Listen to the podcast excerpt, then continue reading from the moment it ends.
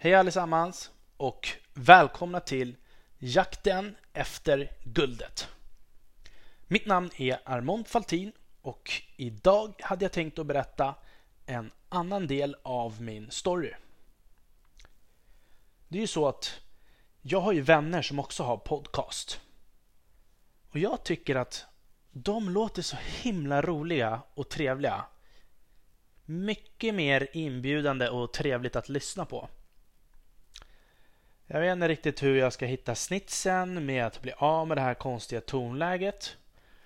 Uh, som vanligt så slänger jag, in, slänger jag mig in i grejer utan att riktigt tänka klart innan.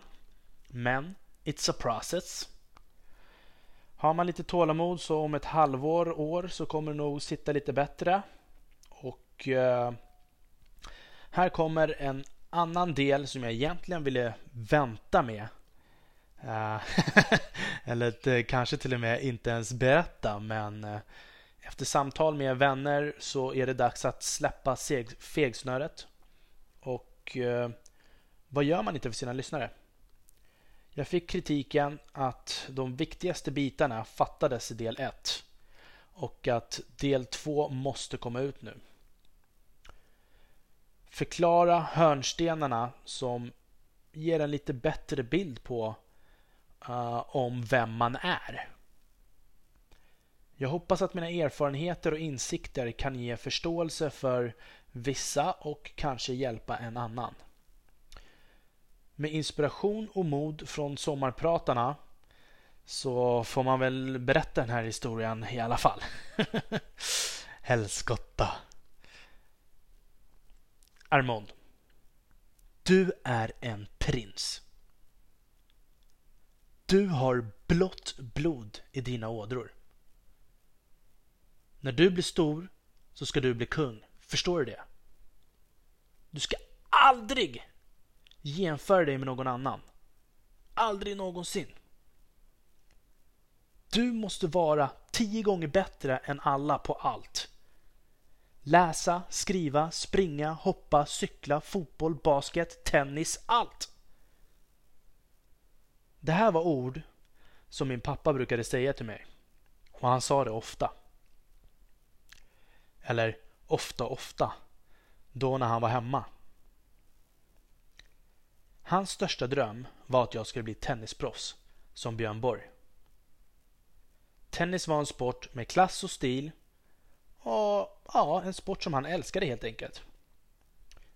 Och när jag tittar tillbaka i tiden och tänker på min pappa så var det nog den sporten som passade han bäst. Min pappa hade alltid fina kläder på sig och var ett riktigt modefreak. När han reste så gjorde han också det i stil med sitt Louis Vuitton-set, resväskor i olika storlekar. Han tyckte om kläder och mode och hade allt ifrån sportig stil till crazy mode till kostymer och hatt.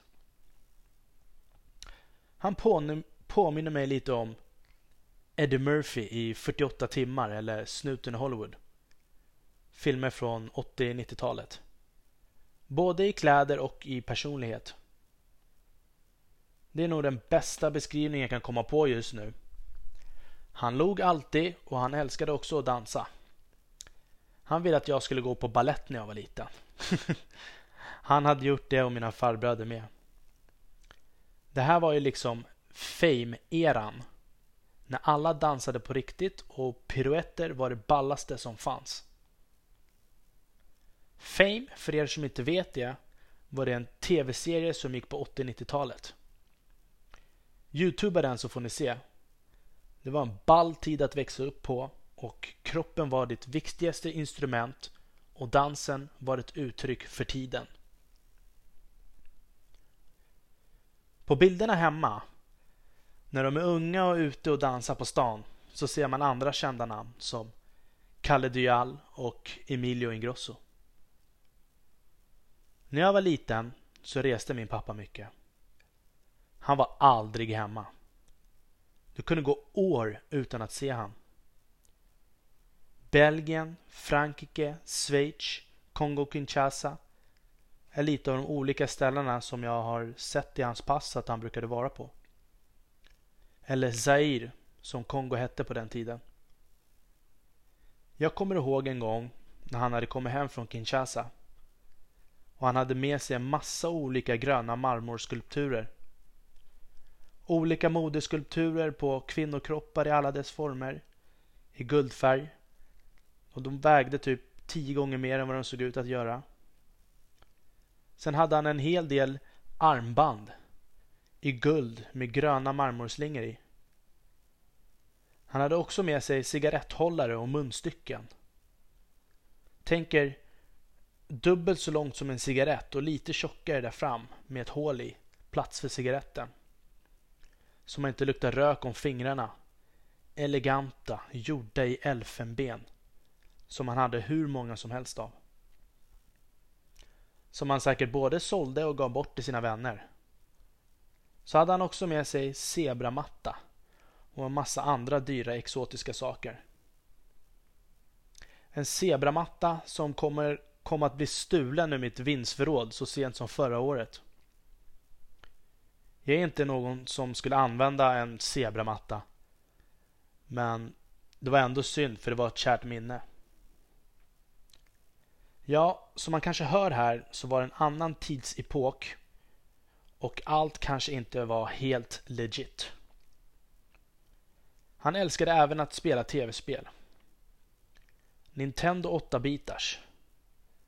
Man kunde vakna på natten då han hade satt ihop tresitssoffan och tvåsitssoffan med lakan, täcke och kuddar och satt och spelade tigerhele hela natten.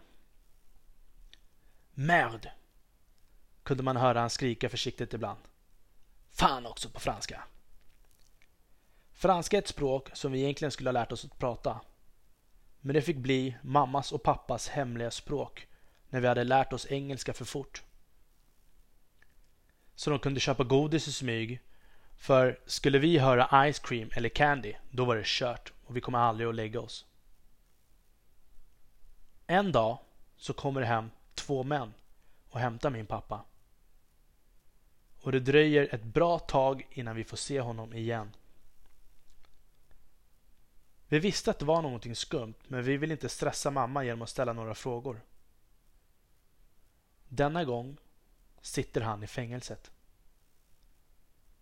När hon väl berättade det här för oss så hade det gått kanske ett år. Och vi skulle snart få besöka honom. Jag kommer ihåg att vi fick åka tåg i flera timmar långt ut. Och när vi kom fram så såg det ut som att man hade kommit fram till ett annat land. Husen och tågstationen och alla byggnader runt omkring. Det var som att vi hade kommit till gamla Sovjetunionen. Dystert, grått, kallt. Jag minns inte så mycket men första besöket, jag kommer ihåg att det var vinrött tegelfärg på väggarna och extremt dålig belysning. Alla andra ställen vi besöker efter det här var mycket bättre. Jag vet att många tror nu att Åh, det här är inget ställe för barn. Men jo, det är det visst det. Alla barn bör besöka ett fängelse. Det är inte läskigt eller farligt. Men däremot så ser man att man absolut inte vill hamna där. Jag kommer ihåg när vi hälsade på honom och han tar med oss runt för att hälsa på alla. Sen från ingenstans så kunde han säga Ge mig tio! Då flög jag och min bror ner och gjorde tio armhävningar i synk. Alla gubbar började skratta och klappa oss på huvudet och vi förstod ingenting. Vi hade ju alltid tränat. Vi var ju uppvuxna i ett träningshem under Bruce Lee, Fame och Wushia-eran. Där kropp, hälsa och träning alltid varit i fokus. Pappa och hans kompis brukade ge oss många olika träningsövningar och balansövningar som vi sedan fick visa upp. Jag kommer ihåg att inne på hans rum så hade han ett baseballträ som stod längs väggen. Jag sprang fram direkt till pappa och frågade Pappa, är den där till mig? Han log med glimten i ögat och sa tyvärr Armond. Det här är mitt säkerhetssystem som vi brukar spela brännboll med. Jag får köpa ett annat till dig någon annan gång. jag hajade hinten och frågade inget mer om det. Det här var trots allt ingen ungdomsgård för vuxna, även om det såg ut som det. Han hade lagat mat strax innan vi kom och det luktade goda kryddiga dofter över hela avdelningen. Alla verkade trevliga och hejade. Jag kan verkligen tänka mig nu när man är äldre hur uppfriskande det måste ha varit för de som var där att se barn där inne. Lite längre fram i tiden så får vi åka på ett läger som heter Gruvberga. Som vi kommer att vara på i två veckor. Gruvberga var ett ställe där de som satt i kvinnofängelse och mansfängelse fick träffas och vara med sina familjer under en längre period. Alla som bodde här hade ett varsitt hus med familj. Sen var det aktiviteter på dagarna för alla och även skola för barnen. Det fanns en gymnastikhall som man kunde göra lite vad man ville i på sin fritid. Och Det var som en liten miniby. Mitt inne i skogen. Långt in. Jag kommer ihåg att min pappa älskade det här. Han kände sig som en riktig familjefar. Nu när han var hemma hela två veckor med familjen i sträck. Det hade han nog aldrig varit innan. Han gick runt med ett självsmog min och log och kände sig jätteduktig och glad. Vi fiskade och grillade och hade en massa skoj. Men vi fick även en del nya vänner där. En som var speciell som vi kommer att döpa vår lilla kusin till. Men han vet inte om det. Men det, det kommer jag berätta för honom efter det här avsnittet om inte hans mamma gör det när hon hör det här. Nu är pappa ute igen och allt blir som vanligt. Han är borta och mamma och vi är hemma. Eller jag är nog aldrig hemma heller.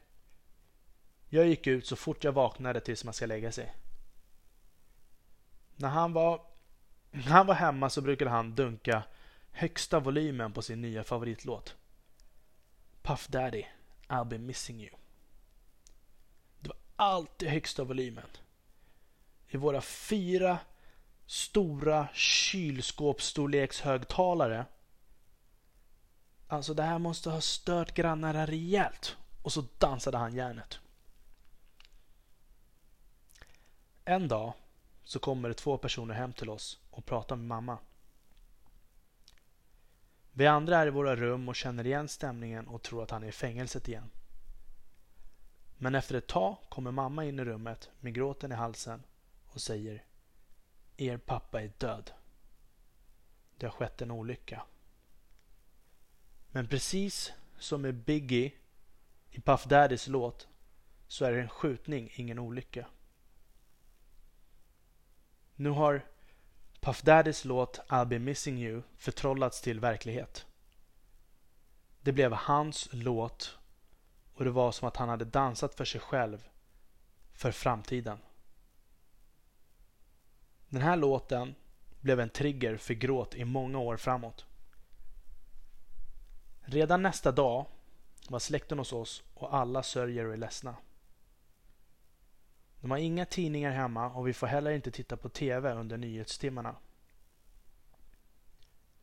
Det var nu jag lärde mig Need to know basis när jag var 11 år.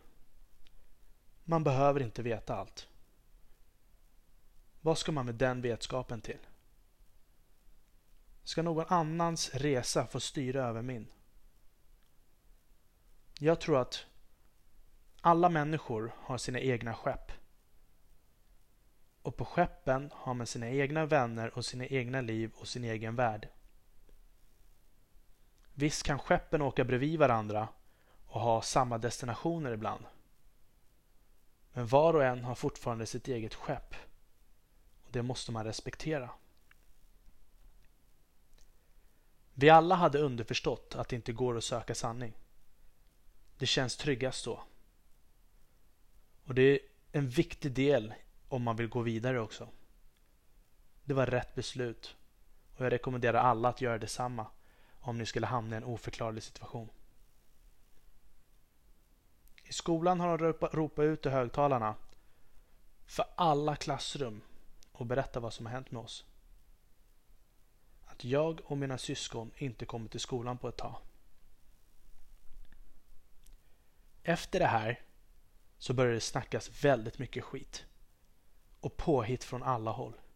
Och jag hamnade ofta i bråk. Men innan bråken hade nästan alla barn förbjudits att umgås med mig.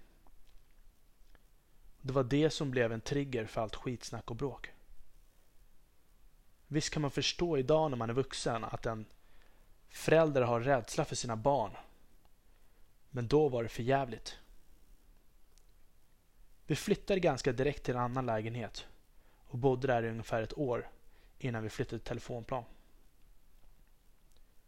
I telefonplan kommer kulturkrocken, men också vändningen och räddningen.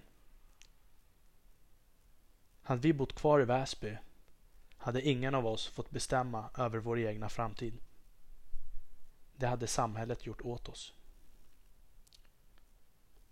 Kulturkrocken i telefonplan var konstig. Alla var omogna. Men på ett annat sätt så hade de ändå en annan kunskap. Namn på maträtter, byggnader, mode och så kunde alla barn orientera sig i kollektivtrafiken. Men sen så hade de också ett rent allmänt fult språk. Med en underliggande ton av mobbning som jag hade väldigt svårt att acceptera. Ja, jag visste att alla här var annorlunda. Men det tog tid att acceptera. Jag hade aldrig varit med om det här tidigare och varför ska man ta emot skit utan anledning? Det gick emot allt jag trodde på och det var jättekonstigt. Så var det också som att de aldrig hade sett någon utan pengar. Jag kommer ihåg hur mina kompisar kunde säga Mä! Fråga bara din mamma. Varför ljuger du för? Din snåla jävel. Herregud, tänkte jag för mig själv. Men att höra orden att man är snål fast man var pank var rejält frustrerande. Men till slut blev jag immun mot de här orden. Och det här är en av drivkrafterna varför jag ska visa er alla. Pengar var min största svaghet, men också min största styrka. Men som tur hade vi en kille i skolan som var galen i tävlingar och han ville alltid satsa pengar. Han ville alltid spela ensam mot två. Biljard, bandy, fotboll, you name it. Om han förlorar så ger han oss 50 kronor var. Om han vinner så får han 50 kronor sammanlagt. Så på så sätt hade man säkrat ekonomin i alla fall. Jag ska ha med honom i den här podden vid ett senare skede. För eh, han har blivit riktigt framgångsrik idag. Jag ville vänta med att berätta det här. Eh, för att jag har trots allt alltid känt mig lyckligt lottad. Mitt liv har varit fantastiskt och exakt som jag berättar i Sommarprat del 1 fast med den här grunden som ger en extra kraft och en annan insikt på livet. Jag är enormt lyckligt lottad. En extra kick på drivet som sparkar bort petitesser. Jag ger mer och jag ger aldrig upp. Det här avsnittet kanske skulle ha varit en del i del 1 istället men fick bli en del 2. Så låt en kar få leva för det helskotta. jag hoppas det här ger en tydligare bild och eh, även på vad investerare menar när de säger att de vill höra om tunga grejer man har gått igenom. Så de vet att man kan tåga på. Jag hoppas att det här ger en bra förklaring på det. Jakten efter guldet mina vänner. Tack för idag och vi hörs igen nästa vecka med vänliga hälsningar Armand Faltin.